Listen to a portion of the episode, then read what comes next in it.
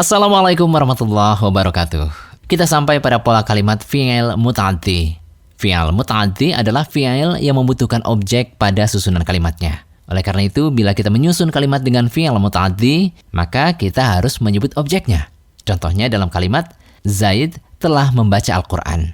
Qara'a Zaidun Al-Qur'ana. Kata qara'a merupakan predikat, Zaid adalah subjek, dan Al-Qur'an adalah objek.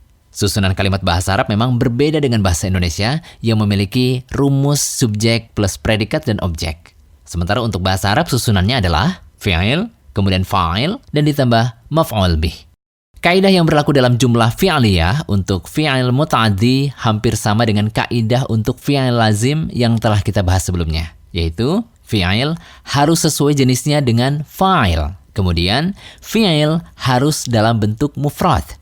Selanjutnya, fa'il harus dalam keadaan rofa atau marfu, seperti yang telah kita pelajari pada dars yang keenam. Sebagai merujaah, berikut kaidah rofa untuk mufrad, musanna, dan jamak. Untuk kata dengan jumlah mufrad, keadaannya ketika rofa adalah domah. Contohnya, zahabat talibu. Untuk kata dengan jumlah musanna, keadaannya ketika rofa adalah alif. Contohnya, zahabat talibani. Untuk kata dengan jumlah jamak mudzakkar salim, keadaannya ketika rofa adalah wawu. Contohnya, zahabat talibuna. Untuk kata dengan jumlah jamak muannas salim, keadaannya ketika rofa adalah domah. Contohnya, zahabatit talibatu. Untuk kata dengan jumlah jamak taksir, keadaannya ketika rofa adalah domah. Contohnya, zahabat tullabu. Untuk kata dengan jumlah isim yang lima, Keadaannya ketika rofa adalah wawu. Contohnya, zahaba abuka. Selain kaidah di atas, untuk fi'il muta'addi terdapat tambahan beberapa kaidah, yaitu maf'ul bih harus dalam keadaan nasab atau mansub. Maf'ul bih bisa dari jenis atau jumlah apa saja disesuaikan dengan konteks kalimat. Berikut ini keadaan beberapa kelompok kata ketika nasab atau mansub.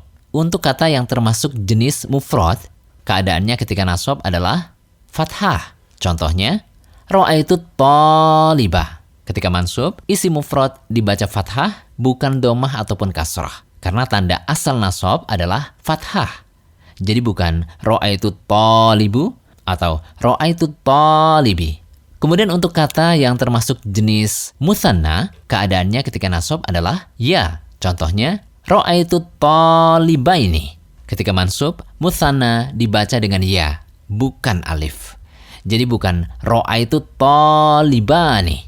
Untuk kata yang termasuk jenis jamak mudhakar salim, keadaannya ketika nasab adalah ya. Contohnya, ro'a itu tolibina. Ketika mansub, jamak mudhakar salim dibaca ya, bukan wawu. Jadi bukan ro'a itu tolibuna.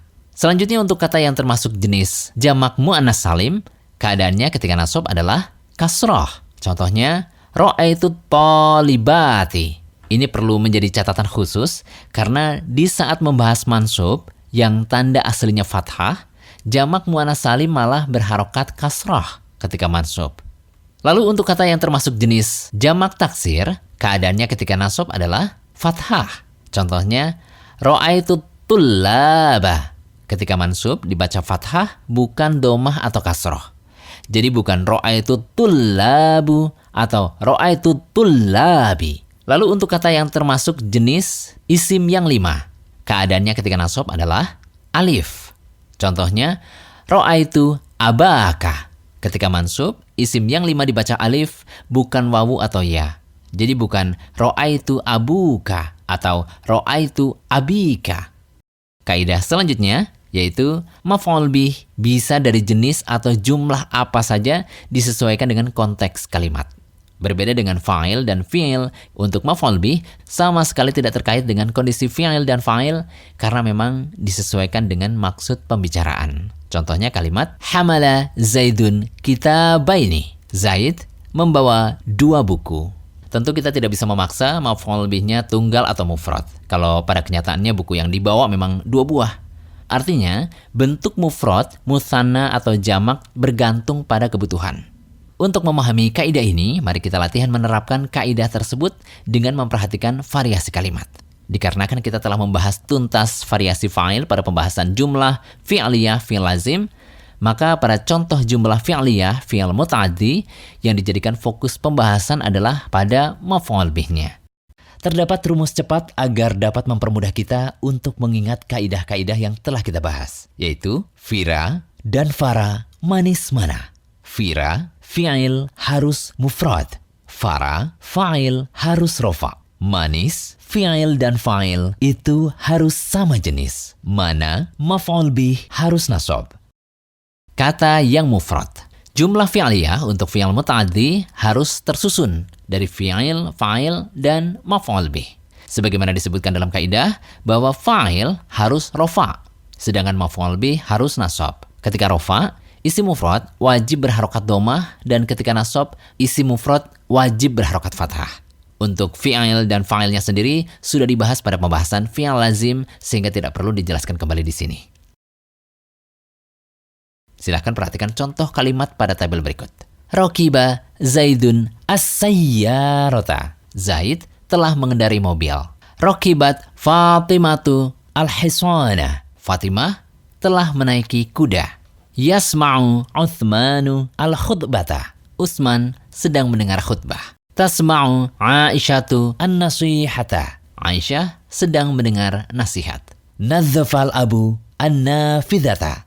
Ayah telah membersihkan jendela. Nadzafat al-ummu al-bilata. Ibu telah mengepel lantai. Kemudian kata yang musanna, tidak ada pembahasan khusus untuk fi'al muta'addi yang maf'ul lebihnya musanna. Selain bentuk yang digunakan adalah aini, bukan ani. Contohnya, ishtara Zaidun as-sayyarataini. Zaid telah membeli dua mobil.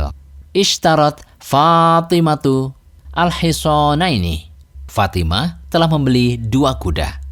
Kemudian sami'a Uthmanul khutbataini. Uthman telah mendengar dua khutbah. Sami'at Aisyatun nasihataini. Aisyah telah mendengar dua nasihat. Yunafidul abun nafidataini. Ayah sedang membersihkan dua jendela.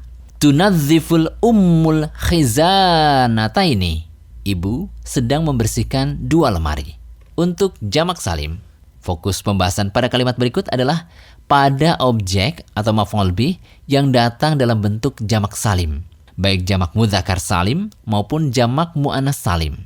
Ketika jamak mudzakkar salim menjadi maf'ul bih, maka bentuk yang digunakan adalah yang berakhiran ina karena maf'ul bih harus nasab dan bentuk nasab jamak mudzakkar salim adalah ina bukan una. Adapun jamak muannas salim memiliki kaidah yang agak menyimpang di mana ketika nasab malah berharokat kasrah. Silakan perhatikan tabel berikut. Contoh untuk mudzakkar. Ahabba Zaidun al-muslimina. Zaid telah mencintai kaum muslimin. Ahabbat Fatimatu al-muslimati. Fatimah telah mencintai kaum muslimah. Yufattirul muhsinus imina penderma sedang memberi makan orang berpuasa. Tufattirul muhsinatu as imati. Penderma sedang memberi makan orang berpuasa. Nadat tabibul mumarridina. Pak dokter memanggil para perawat laki-laki. Untuk mu'anas, nadat at-tabibatul mumarridati. Bu dokter telah memanggil para perawat wanita. Selanjutnya jamak taksir. Jamak taksir termasuk jenis kata yang perubahannya berdasarkan harokat. Ketika rofa diberi harokat domah, dan ketika nasab diberi harokat fathah. Artinya, bila jamak taksir menjadi fa'il, maka wajib diberi harokat domah, dan bila jamak taksir menjadi maf'ul bih, maka wajib diberi harokat fathah. Ini berlaku baik untuk jamak taksir lil aqil maupun li khairil aqil. Hanya saja ada perbedaan kaidah terkait dengan bentuk fi'il. Silakan merujuk kembali pada pembahasan jamak taksir pada pembahasan fi'il lazim. Berikut ini contoh-contoh kalimat jamak taksir ketika menjadi maf'ul bih. Jamak taksir li ghairil aqil. Nadzafat talibun nafidhata. Seorang siswa telah membersihkan jendela. Jamak taksirnya nadzafa at-talibu an-nawafidha. Ishtarat al-ummu al-libasa. Ibu telah membeli pakaian. Jamak taksirnya Ishtarat al-ummul malabisa. Yaqra'u Uthmanul kitabah. Uthman telah membaca buku. Jamak taksirnya, Yaqra'u Uthmanul kutuba. Kolom sebelah kiri adalah bentuk kalimat ketika mufrad dan sebelah kanan contoh kalimat ketika berubah menjadi jamak taksir. Tidak ada perbedaan untuk harokatnya karena sama-sama berharokat fathah ketika menjadi maf'ul bih. Jamak taksir lil aqil mudzakkar. Kami sengaja mengelompokkan kolom kiri untuk yang bentuk mufrad, sedangkan kolom kanan untuk yang bentuk maf'ul bihnya jamak taksir.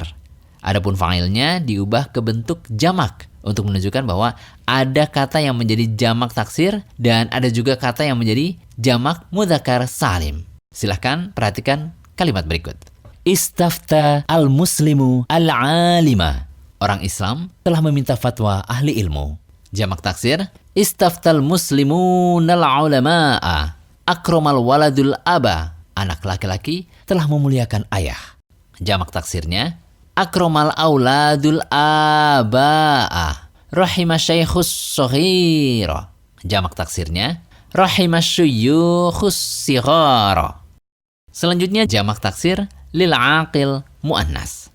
Tidak berbeda dengan jamak taksir lil aqil mudzakkar, bentuk jamak taksir lil aqil muannas juga sama-sama berharokat fathah ketika bersifat sebagai maf'ul bih. Contohnya untuk mufrad, akroma al-islamu al-mar'ata. Islam telah memuliakan seorang wanita. Jamak taksirnya, akramal islamun nisa'a.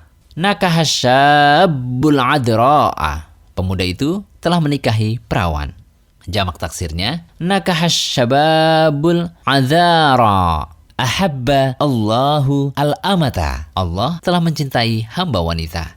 Jamak taksirnya, ahabballahul ima'a. Demikian dari ketujuh. Semoga bermanfaat.